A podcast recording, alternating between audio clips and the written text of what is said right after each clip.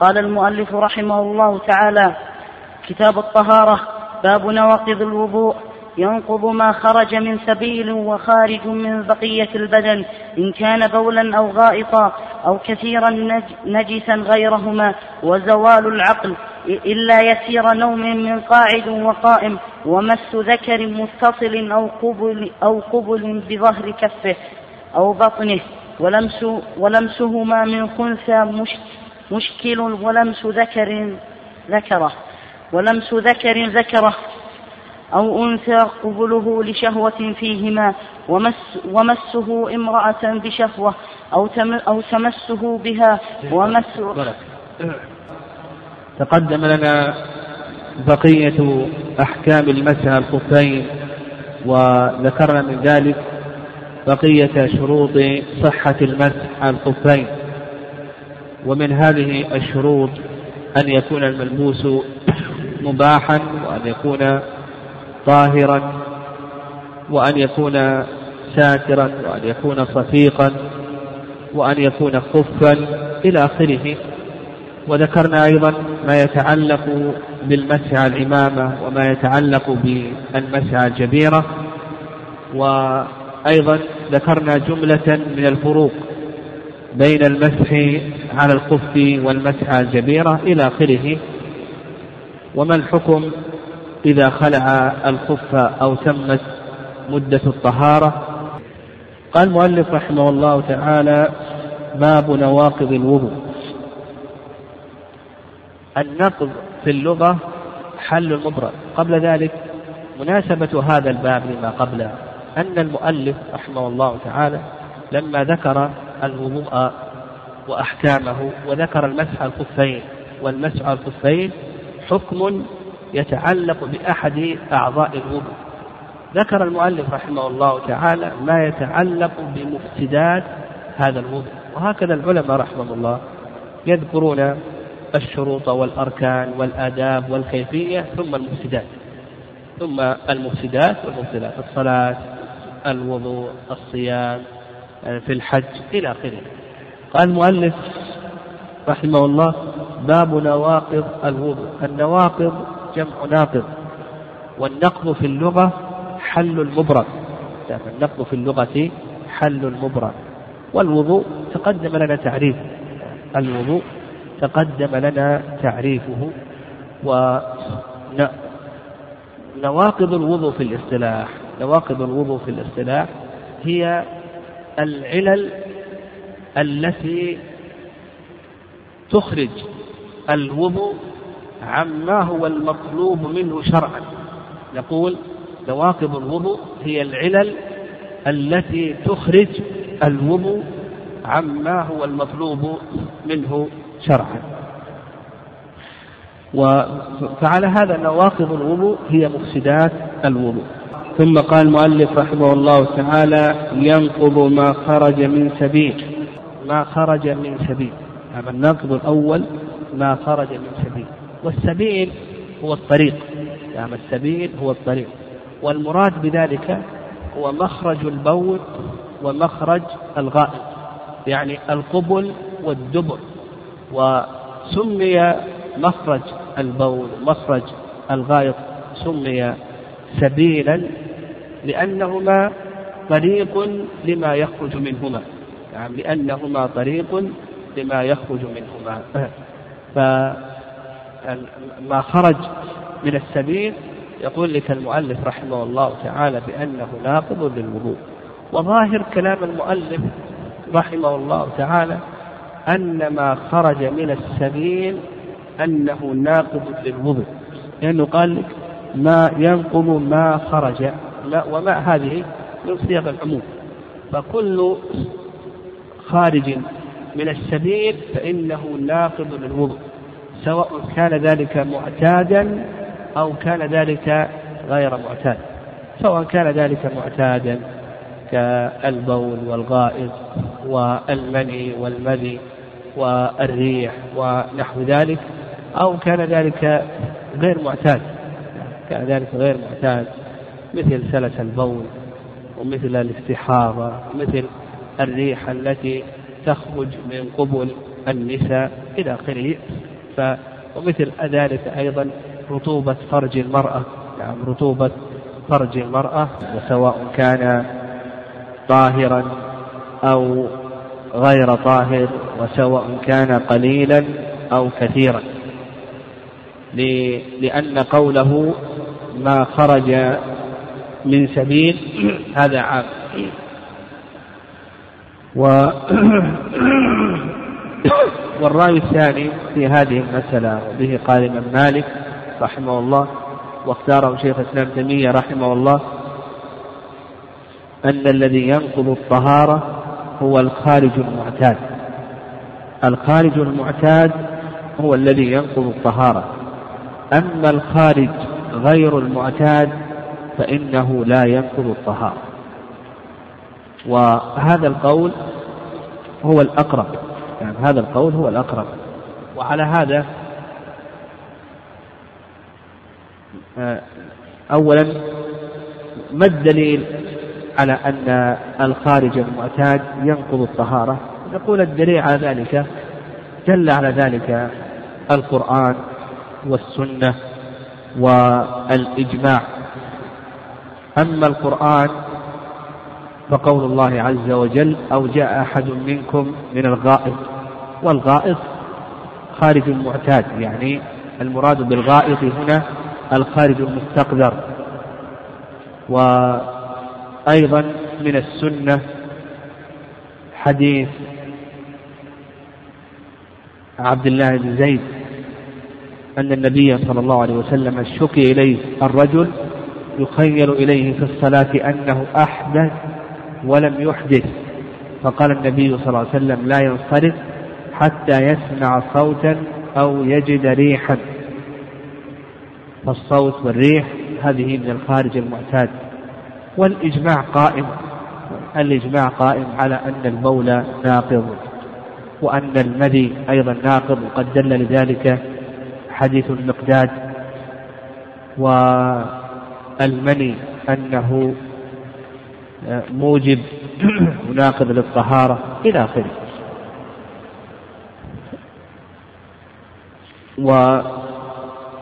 والدليل على أن الخارج غير المعتاد لا ينقض الوضوء أن الأصل بقاء الطهارة.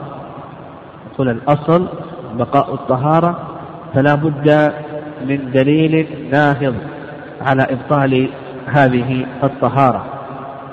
وكذلك أيضا المستحاضة لم يأمرها النبي صلى الله عليه وسلم أن تتوضأ لوقت كل صلاة.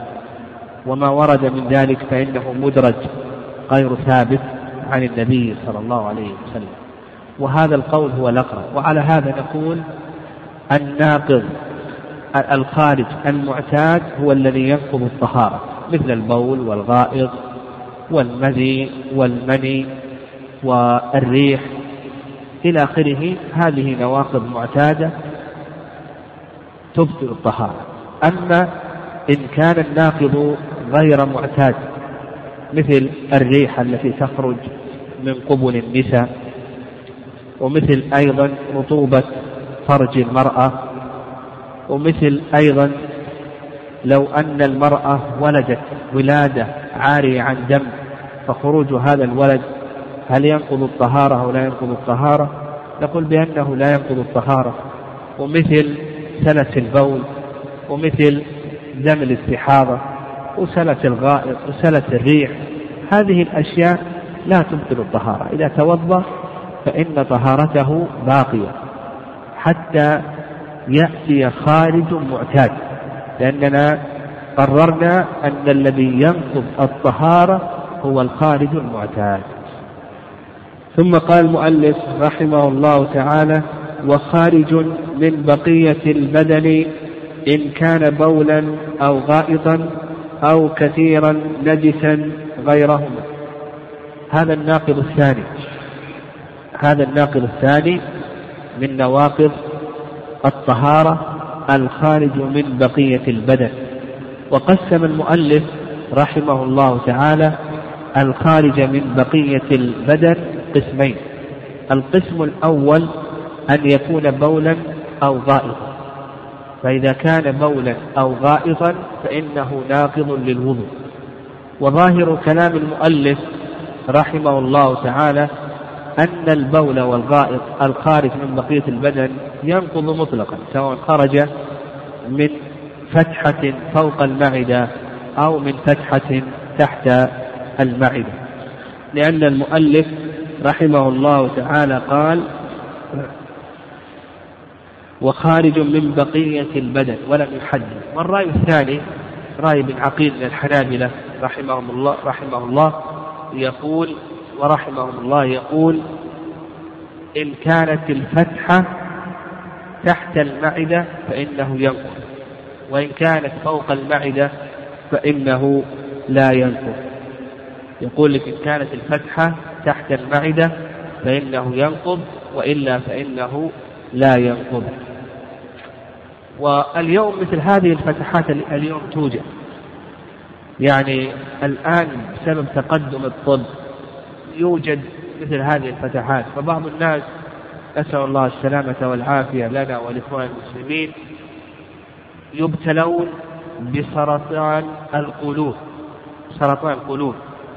ثم بعد ذلك إذا ابتلي بسرطان القلوب يعسر عليه أحيانا في بعض الأحيان. أن يخرج الخارج من المخرج المعتاد فيعمد الطبيب ويفتح له فتحة في جدار البطن. ومثل ذلك أيضا الذين يصابون بالفشل الكلوي. سبقا تكلمنا عن الغسيل الكلوي في النوازل فيما يتعلق بالطهارة. تكلمنا عن هذه المسائل وأن الغسيل غسيل الدم إما أن يكون غسيلا دمو آه، الغسيل الكلوي إما أن يكون غسيل بروتيني أو غسيل دموي إلى آخره. تكلمنا على هذه.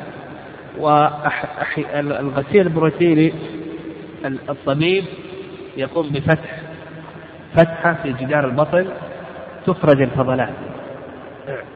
يعني التي توجد في البول من الأملاح نحو ذلك تخرج. أو يكون الإنسان عنده تشوه خلقي في المخرج. حينئذ يعمد إلى أن يفتح له فرج في البطن.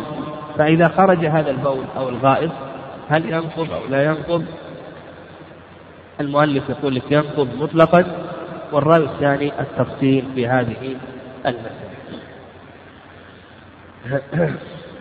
هذا القسم الأول أن يكون الخارج بولا أو غائطا القسم الثاني أن يكون الخارج غير بول أو غائط غير بول أو غائط مثل القي والصديد والدم ونحو ذلك. فهل هذه تنقض الوضوء؟ أو لا تنقض الوضوء.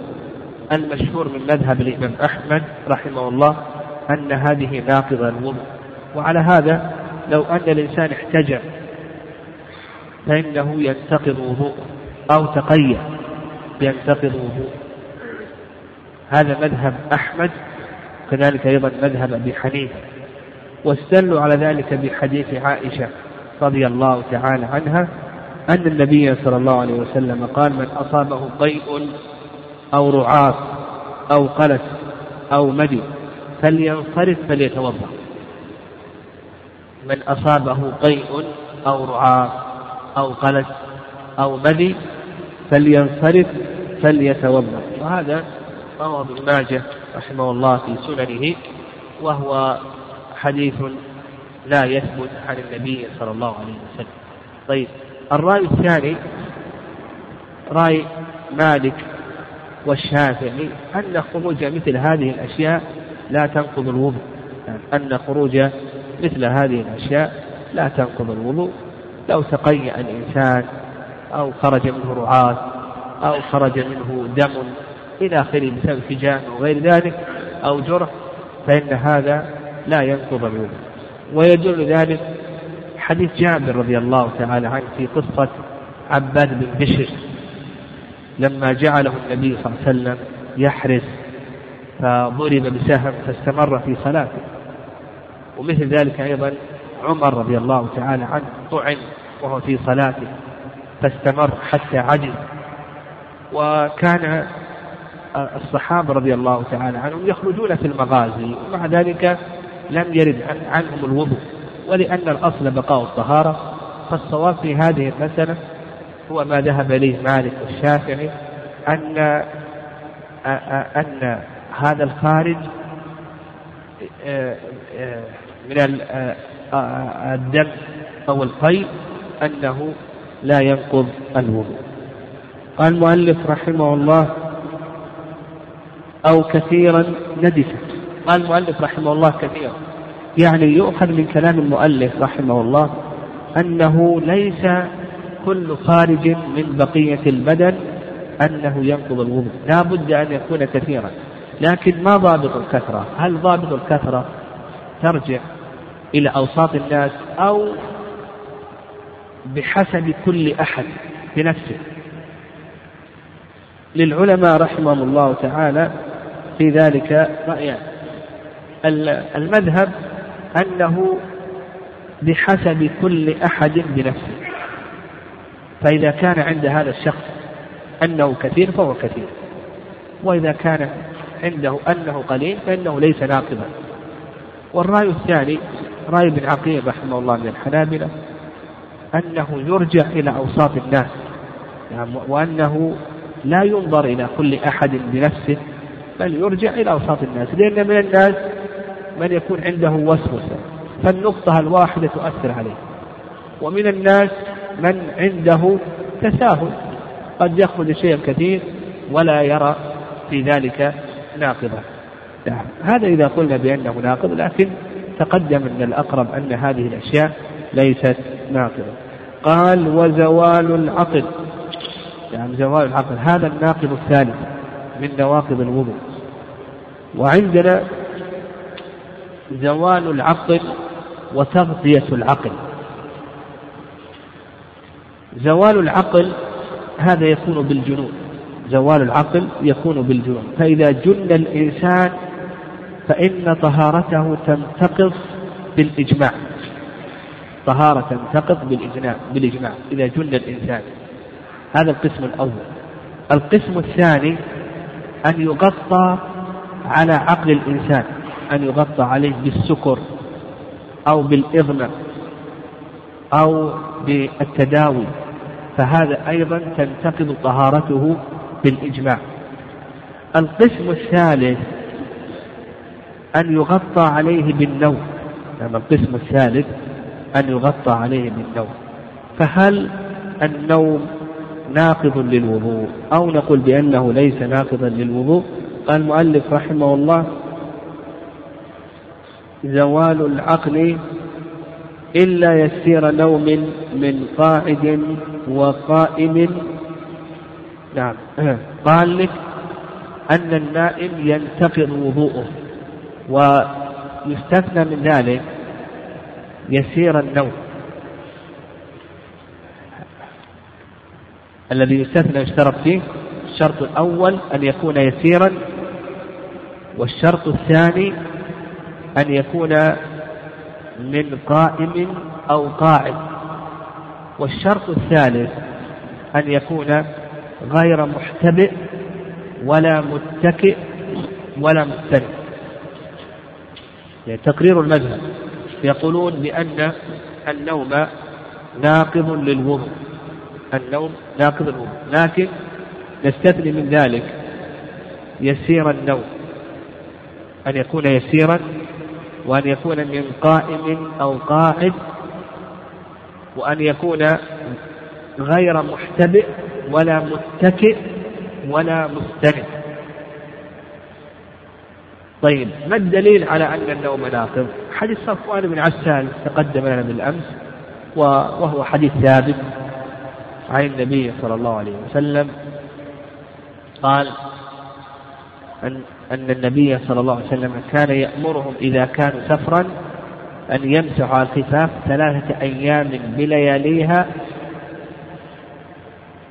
إلا من جنابة لكن من بول وغائط ونوم من بول وغائط ونوم. وأيضا قول بول هذا دليل لما تقدم من أن الخارج من السبيل ناقض. فقال لكن من بول وغائط ونوم. طيب وما الدليل على أن يسير النوم ناقض؟ على أن يسير النوم ليس ناقضا. الدليل أن الصحابة رضي الله تعالى عنهم كما في سنن أبي داود حديث أنس أن الصحابة رضي الله تعالى عنهم كانوا ينتظرون العشاء. مع النبي صلى الله عليه وسلم حتى تخفق رؤوسهم. يعني حتى تخفق رؤوسهم ثم يصلون ولا يتوضؤون.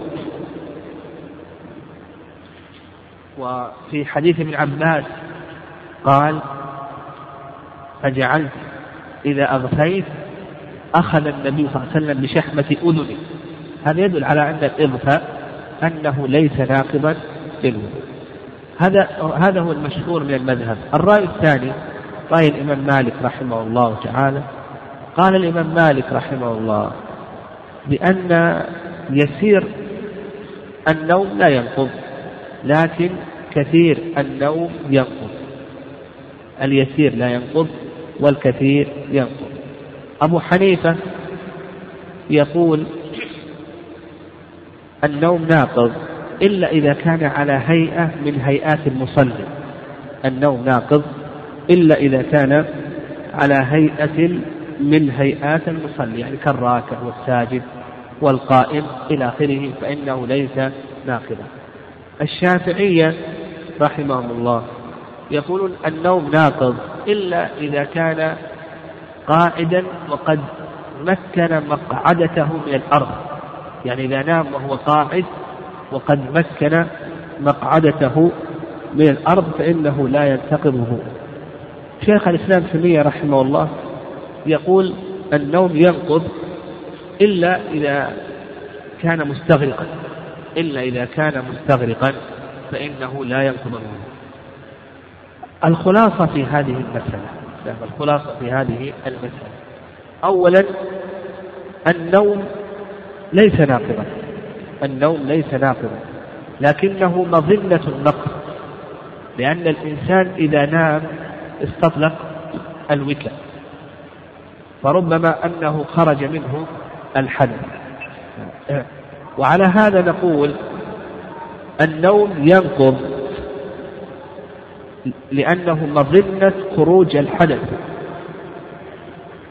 ولما جاء في حديث صفوان رضي الله تعالى عنه لكن نستثني من ذلك مسألتين. يعني نستثني من ذلك مسألتين. المسألة الأولى أن يكون يسيرا فهذا لا يضر. يقول المسألة الأولى أن يكون النوم يسيرا فهذا لا يضر كما قال الإمام مالك رحمه الله تعالى. فإن كان النوم يسيرا يعني مثلا الإنسان نام دقيقة أغفى دقيقة دقيقتين. فهذا يظهر أن هذا لا ينقض الوضوء لأن الصحابة كما تقدم كانوا ينتظرون العشاء حتى تخفق رؤوسهم. حيث ابن عباس يقول جعلت إذا أغفيت أخذ من شحمة أذني وفي لفظ أن الصحابة كانوا يضعون جنوبهم والنبي صلى الله عليه وسلم سمع له غطير ثم خرج إلى الصلاة. فنقول إذا كان يسيرا هذا لا يضر.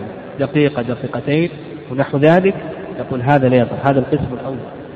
القسم الثاني أن يكون النوم كثيرا. فإن كان مستغرقا فإنه يضر. وإن كان غير مستغرق فإنه لا يضر. ليس ناقضا القسم الثاني إذا كان كثيرا. فنقول كما ذكر شيخ الإسلام تيمية رحمه الله إن كان مستغرقا بحيث أنه لا يحس بمن حوله.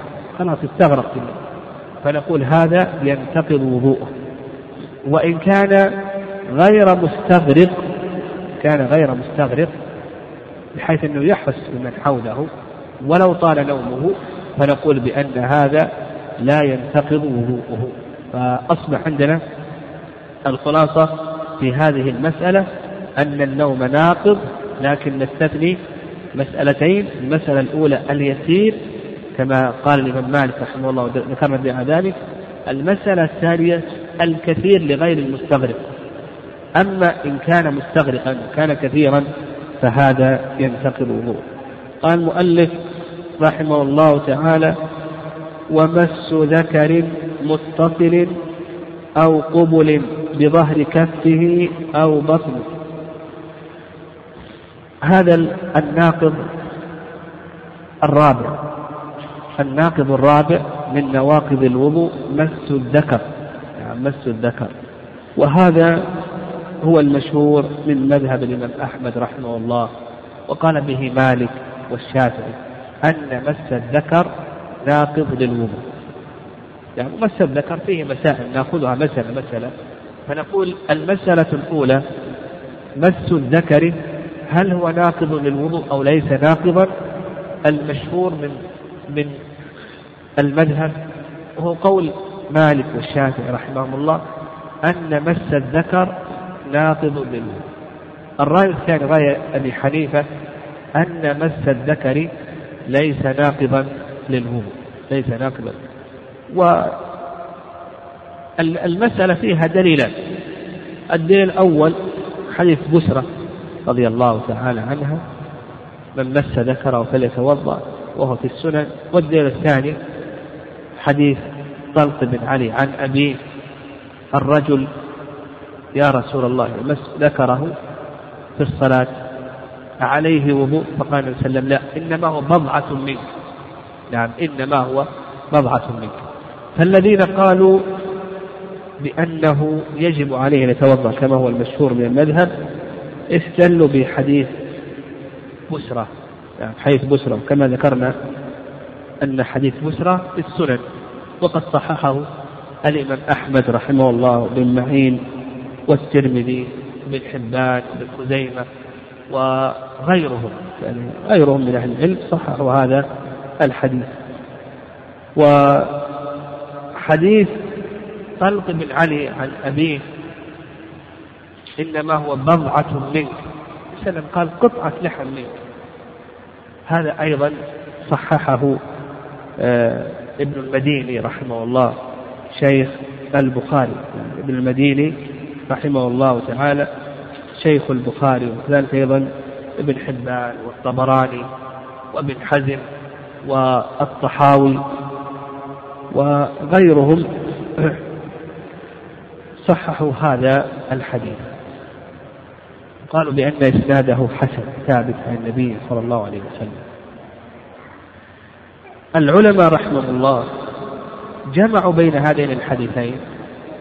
من العلماء يعني للعلماء رحمهم الله في الجمع أو بالنظر إلى هذين الحديثين مسلكان. المسلك الأول مسلك الترجيح. فرجحوا حديث بسرى على حديث طلق بن علي. عن أبيه وقالوا بأن حديث طلق بن علي يرجح على حديث بسرى لكثرة طرقه ولأن بسرى حدثت به والصحابة رضي الله تعالى عنهم متواترون. فذهبوا إلى النقل المسلك الثاني مسلك الجمع. نعم المسلك الثاني مسلك الجمع بين الحديثين. فقالوا بأن حديث بسرى هذا يدل على الاستحباب. من مس ذكره فليتوضأ. من مس ذكره فليتوضأ. يستحب له أن يتوضأ. وأما حديث يعني حديث بسرى هذا يدل على الاستحباب. وأما حديث طلق بن علي فهو يدل على عدم الوجوب عليه الوضوء. قال عليه وسلم لا إنما هو بضعة منك.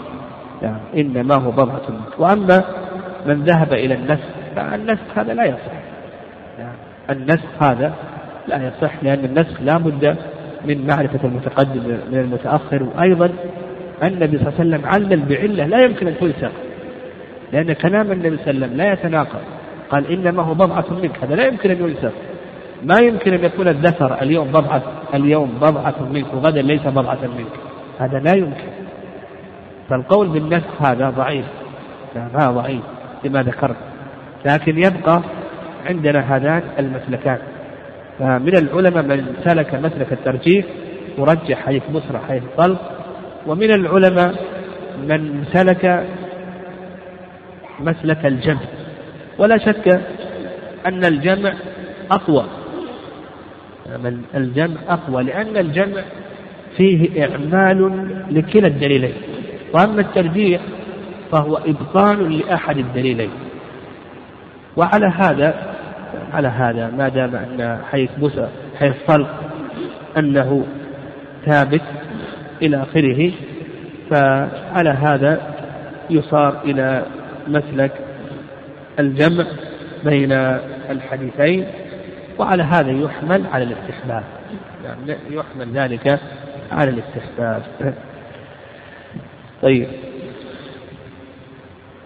مس الذكر على القول بأنه ناقض يشترط لذلك شروط. الشرط الأول أن يكون متصلا. يعني الشرط الأول أن يكون متصلا. وعلى هذا لو كان الذكر منقطعا فإن مسه لا ينقض الوضوء. قال لك المؤلف بظهر كفه أو بطنه. هذا الشرط الثاني. أن يكون المس بالكف فقط. يعني لو مس الذكر بفخذه أو مس الذكر بقدمه أو مس الذكر بذراعه فإن هذا لا يضر. لا بد أن يكون المس بالكف. في ظهر الكف أو بطن الكف. يعني من أطراف الأصابع إلى الرسم. الشرط الثالث الشرط الثالث أن يكون بلا حائل. فإن كان بحائل فإنه لا ينقض الوضوء. لو مسه من وراء الثوب فإن هذا لا يضر. يعني لو مسه من وراء الثوب فإنه لا يضر. قال المؤلف رحمه الله متصل أو قبل أو قبل. يعني إذا مس القبل من المرأة الفرج من المرأة فإنه ناقض للوضوء لإلحاق القبل فرج المرأة إلحاقه بذكر الرجل. قال بظهر كفه أو بطنه أو بطنه.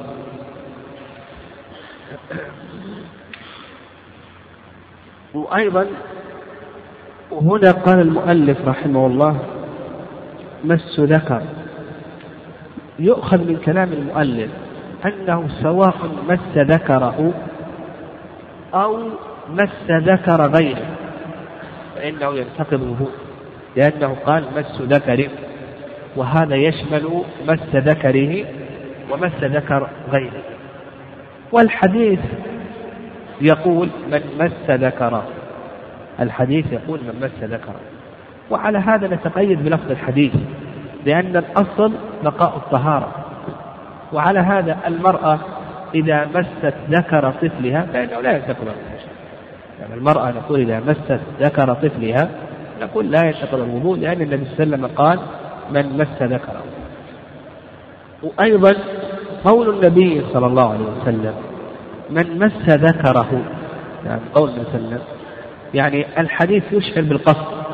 وعلى هذا لو أن الإنسان لم يقصد مس ذكره وإنما آه، مرت يده على ذكره ومسه بلا قصد. يظهر هذا أيضا أنه لا ينتقض وضوءه.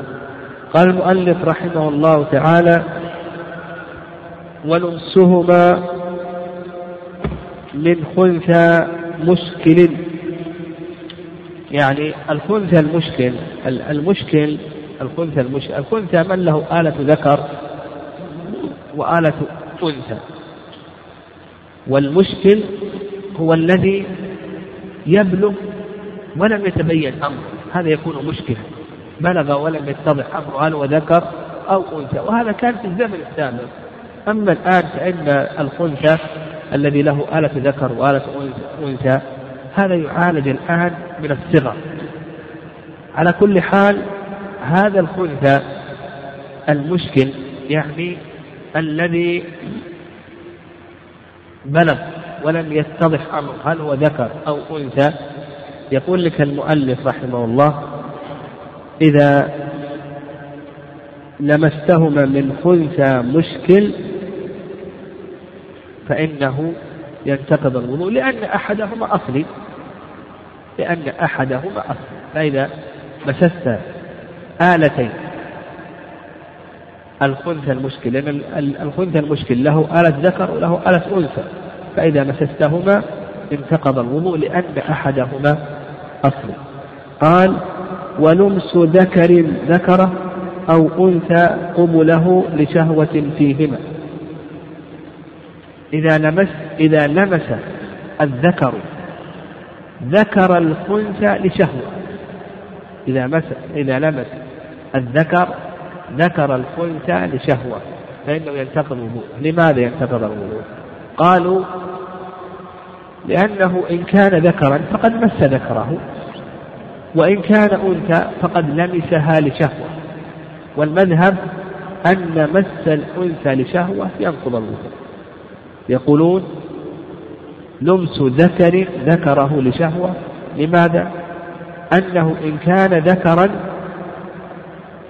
فقد لمس ذكره وإن كان أنثى لمسها لشهوة أيضا أو أنثى قبله الأنثى إذا مست القبل.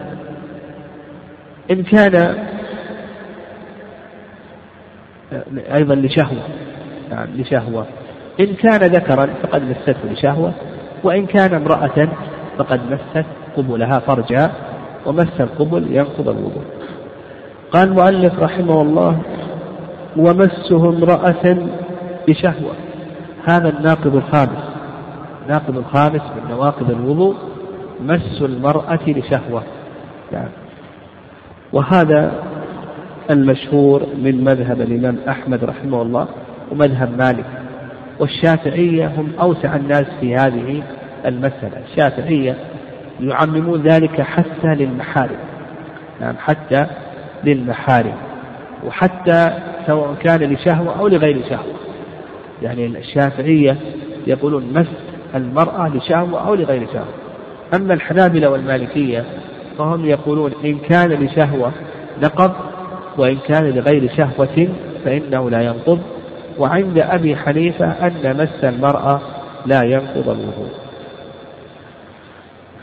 الذين قالوا بأن مس المرأة ينقض الوضوء استدلوا بقول الله عز وجل أو لامستم النساء لكن كما قلنا المالكية والحنابلة يقيدون ذلك بأن يكون لشهوة يعني بأن يكون ذلك لشهوة. لماذا؟ قالوا لأن النبي صلى الله عليه وسلم لمسته عائشة وهو يصلي. نعم لمسته عائشة وهو يصلي فدل ذلك على لا بد من الشهوة. والذين قالوا بأنه الشافعية دلوا بالآية أو لا نفس النساء الحنفية أن مس المرأة لشهوة لا ينقض الوضوء. من باب أولى إذا كان لغير شهوة لأن الأصل بقاء الطهارة. وأيضا حيث عائشة في مسلم أن يدها وقعت على النبي صلى الله عليه وسلم وقعت يدها على رجليه وهو ساجد. وأما قول الله عز وجل أو لامستم النساء. فهذا كما ورد عن ابن عباس رضي الله تعالى عنهما أن المس في القرآن والمباشرة أن المراد بذلك المس والمسيس والمباشرة الواردة في القرآن أن المراد بها الجماع.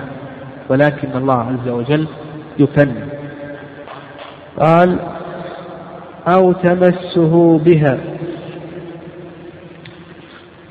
يعني لو أن المرأة مست الرجل لشهوة انتقض وضوءها قال ومس حلقة دبر. مس حلقة الدبر. بقول النبي صلى الله عليه وسلم يعني في بعض ألفاظ بسرى من مس فرجه. والفرج يشمل حلقة الدبر. لا ليست آه الإلية. الإلية مس الإلية لا ينقض الوضوء لكن المقصود مس حلقة الدبر. مس حلقة الدبر قالوا من مس فرجه. يعني حيث أبي هريرة من مس فرجه فليتوضأ. يعني فقالوا بأن الفرج يشمل حلقة الدبر. حلقة الدبر تسمى فرجا قال لا مس شعر وظفر يعني لو أن الإنسان مس شعر المرأة أو مس ظفر المرأة فإن هذا لا يضر. لو مس شعر المرأة لشهوة أو ظفر المرأة لشهوة فإنه لا يضر لأنهم يذكرون قاعدة ذكرها ابن رجب رحمه الله في كتاب القواعد أن الشعر والظفر في حكم المنفصل ليس في حكم المتصل. وعلى هذا لو طلق شعر امرأته أو طلق ظفورها لا يقع الطلاق. قال وأمرد يعني لو مس أمرد الأمرد هو الذي لم ينبت له الشعر في وجهه مسه لشهوة فإن هذا لا ينقض الوضوء ولا مع حائل. يعني لو مس المرأة من وراء حائل لشهوة فإنه لا ينقض الوضوء لا ينقض الوضوء. وأيضا قول المؤلف رحمه الله مسه امرأة بشهوة. يعني في جميع أجزاء بدنها وفي جميع أجزاء بدنه. يعني لو مست رجله رجل زوجته لشهوة انتقض الوضوء. هذا كلام المؤلف. بخلاف مس الذكر فإن مس الذكر مقيد بالكف.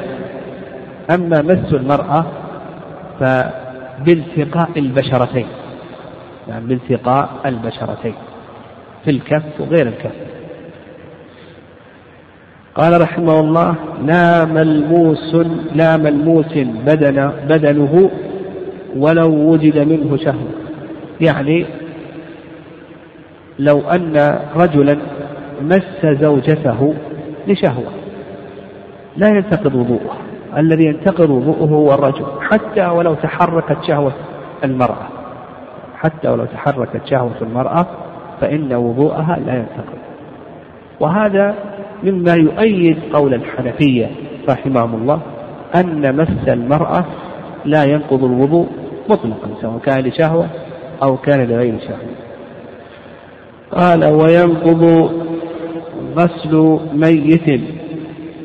هذا الناقض السادس. نعم، الناقض السادس من نواقض الوضوء تغسيل الميت ينقض الوضوء. وهذا من المفردات. يعني من مفردات الحنابلة أن تغسيل الميت ينقض الوضوء.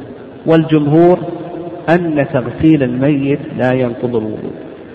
واستدلوا على ذلك لأنه ورد عن ابن عمر وابن عباس رضي الله تعالى عنهما أنهما كانا يأمران غاسل الميت بالوضوء. ورد عن ابن عمر وابن عباس رضي الله تعالى عنهما أنهما كانا يأمران غاسل الميت بالوضوء والرأي الثاني كما تقدم رأي الجمهور أنه لا ينقض الوضوء لأن هذا السبب وجد في عهد النبي صلى الله عليه وسلم ولم يرشد النبي صلى الله عليه وسلم إلى أن هذا ناقض. يعني لم يبين. في حديث أم عطية اللاتي غسلن ابنته؟ قال صلى الله عليه وسلم اغسلنها ثلاثا أو خمسا أو أكثر من ذلك ولم يأمر يأمرهن بالوضوء. وأيضا في حديث ابن عباس الذي وقفته راحلته قال النبي صلى الله عليه وسلم اغسلوه بماء وسدر ولم يأمر الذين غسلوه في الوضوء. وأيضا في حديث ابن عباس أن النبي صلى الله عليه وسلم قال فحسبكم أن تغسلوا أيديكم فقط. في حديث ابن عباس يعني قال فحسبكم أن تغسلوا أيديكم. هذا أخرجه الحاكم والبيهقي. يعني فالصواب في هذه المسألة أن تغسيل الميت لا ينقض الوضوء لكن يستحب أن يغتسل كما سيأتينا يستحب لمن غسل ميتا أن يغتسل ويستحب لمن حمله أن يتوضأ. قال وأكل اللحم خاصة من الجزور. هذا الناقض السابع من نواقض الوضوء. أكل اللحم خاصة من الجزور. يعني لحم الإبل. لحم الإبل. هل ينقض أو لا ينقض؟ هذا من مفردات الحنابلة أيضا. فالمشهور من مذهب الإمام أحمد رحمه الله أن أكل لحم الإبل ناقض للوضوء. يقول الإمام أحمد فيه حديثان صحيحان عن النبي صلى الله عليه وسلم. حديث البراء بن عازب وهو في السنن وحديث جابر بن سمرة في صحيح مسلم. فيه حديثان عن النبي صلى الله عليه وسلم. حديث جابر بن سمرة حديث البراء بن عازب. والرأي الثاني الرأي الثاني رأي جمهور أهل العلم أن أكل لحم الجزور أنه لا ينقض الوضوء. أكل لحم الجزور أنه لا ينقض الوضوء. واستدلوا على ذلك بما في السنن. كان آخر الأمرين من النبي صلى الله عليه وسلم ترك الوضوء مما مست النار. كان آخر الأمرين من النبي صلى الله عليه وسلم ترك الوضوء مما مست النار. ويدخل في ذلك لحم الجزور لأن لحم الجزور مما مست النار. والصواب في هذه المسألة ما ذهب إليه الإمام أحمد رحمه الله وأن أكل لحم الجزور ناقض للوضوء. لا أكل لحم الجزور نقول بأنه ناقض الوضوء لأن كما قال الإمام أحمد رحمه الله فيه حديثان صحيحان عن النبي صلى الله عليه وسلم. وأما حديث جابر كان آخر الأمرين من وسلم ترك الوضوء من ممسة النار. فهذا الحديث يعني الجمهور يقولون بأنه ناسخ في حديث الأمر بالوضوء من لحم الإبل. لكن هذا الحديث لا يثبت عن النبي صلى الله عليه وسلم. قل بأن هذا الحديث ليس ثابتا عن النبي صلى الله عليه وسلم. الذي ثبت عن النبي صلى الله عليه وسلم أنه كان يجتز من كتف شاة كما في الصحيح. ثم حضرت الصلاة فقام فصلى. كان يجتز من كتف شاة فحضرت الصلاة فقام فصلى. هذا اللي ثبت. أما هذا اللفظ فإنه لم يثبت. نعم لم يثبت عن النبي صلى الله عليه وسلم. فالصواب في هذه المسألة أن أكل لحم الإبل ناقض الوضوء طيب مسألة أخرى بقية أجزاء الإبل هل تلحق باللحم مثل الكبد والمسران والشحم والقلب والكلية لحم الرأس؟ هل تلحق أو لا تلحق؟ يعني المشهور من المذهب أنها لا تلحق ولهذا قال لك المؤلف خاصة أكل اللحم خاصة يعني الأمر متعلق باللحم لأن النص إنما جاء في اللحم. والرأي الثاني نعم الرأي الثاني الوجه الثاني أن أن هذه الأجزاء يعني الوجه الثاني أن هذه الأجزاء أنها ناقضة للوضوء يعني القلب والكبد ونحو ذلك. أن هذه الأجزاء ناقضة الوضوء وهذا هو الوجه الثاني.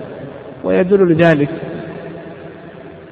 أن الشريعة أو أن الاستقراء أنه لم يرد في الشريعة أن حيوانا تتبعض أجزاؤه حلا وحرمة وطهارة ونجاسة طيب.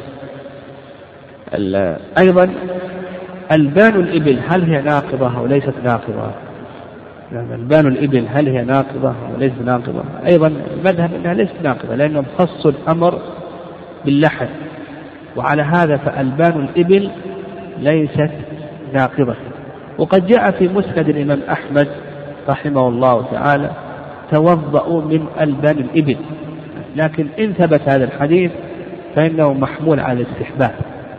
محمول على الاستحباب لأن النبي صلى الله عليه وسلم أمر العرنيين أن يخرجوا إلى إبل الصدقة وأن يشربوا من أبوالها وألبانها ولم يأمرهم بالوضوء أن يخرجوا إلى إبل الصدقة وأن يشربوا من أبوالها وألبانها ولم يأمرهم بالوضوء.